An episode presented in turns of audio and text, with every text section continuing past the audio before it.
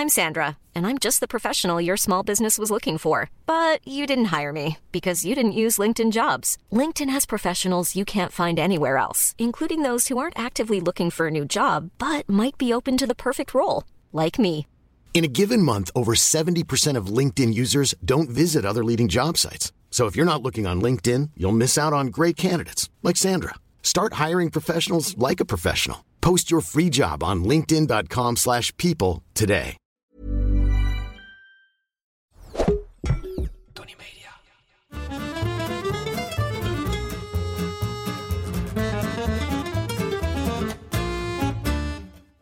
Ik ben Julius Jaspers en ik ben meer dan dol op eten. Iedere week pak ik één product uit mijn voorraadkast en zal jullie daar alles over vertellen. Vandaag is dat shawarma.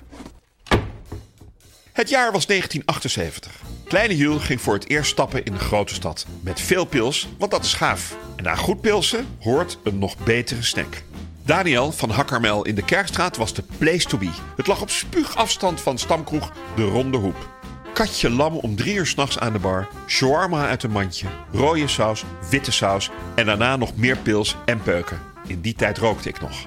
Een ergere kater kun je je niet voorstellen. Het zure bier en de knoflook spuiten uit alle poriën terwijl er zich een paukenconcert afspeelt in je hoofd. Zoals je wel begrijpt, de liefde voor shawarma was geboren.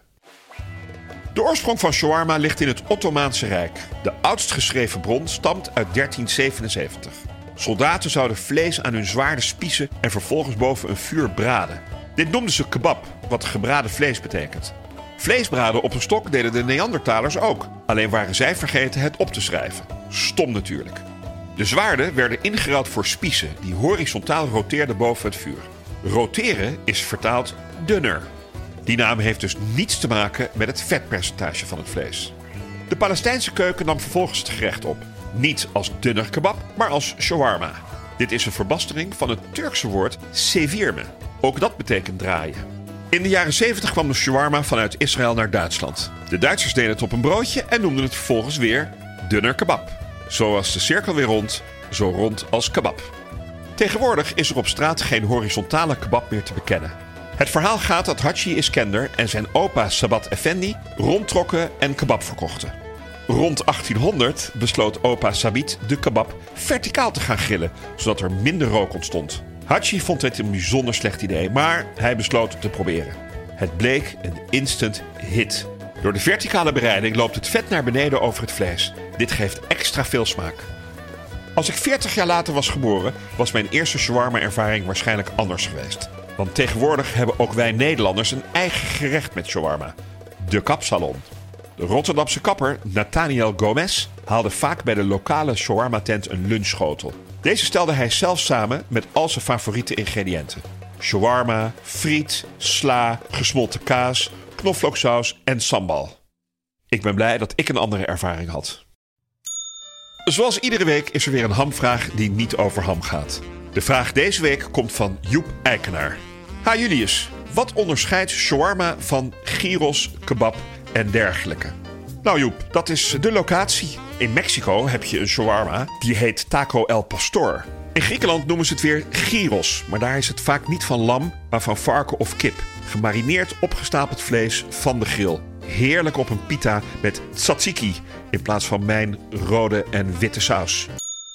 Dunner kebab en shawarma hebben zich in de loop van de jaren ontwikkeld als andere gerechten.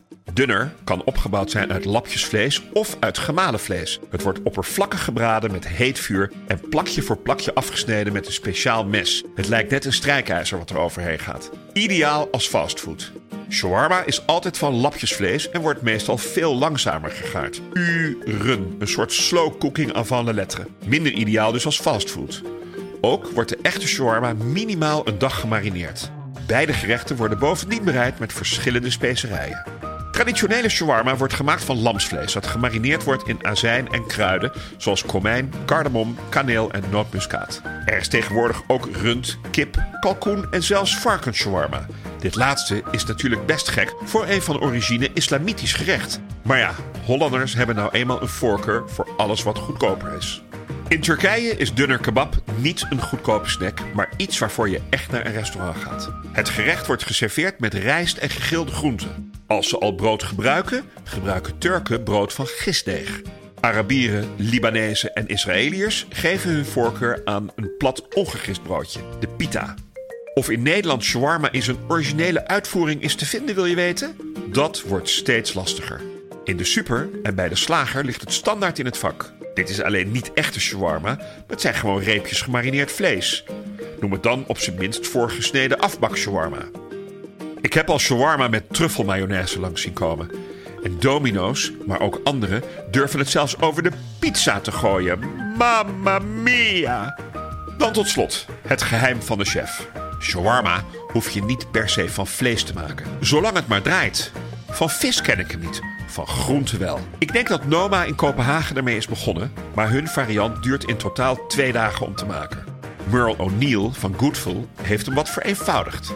In mijn nieuwe grillbijbel staat het recept gemaakt op een heel kittig klein shawarma grilletje. Als je klikt op de link in de beschrijving van deze aflevering, kun je hem zo maken.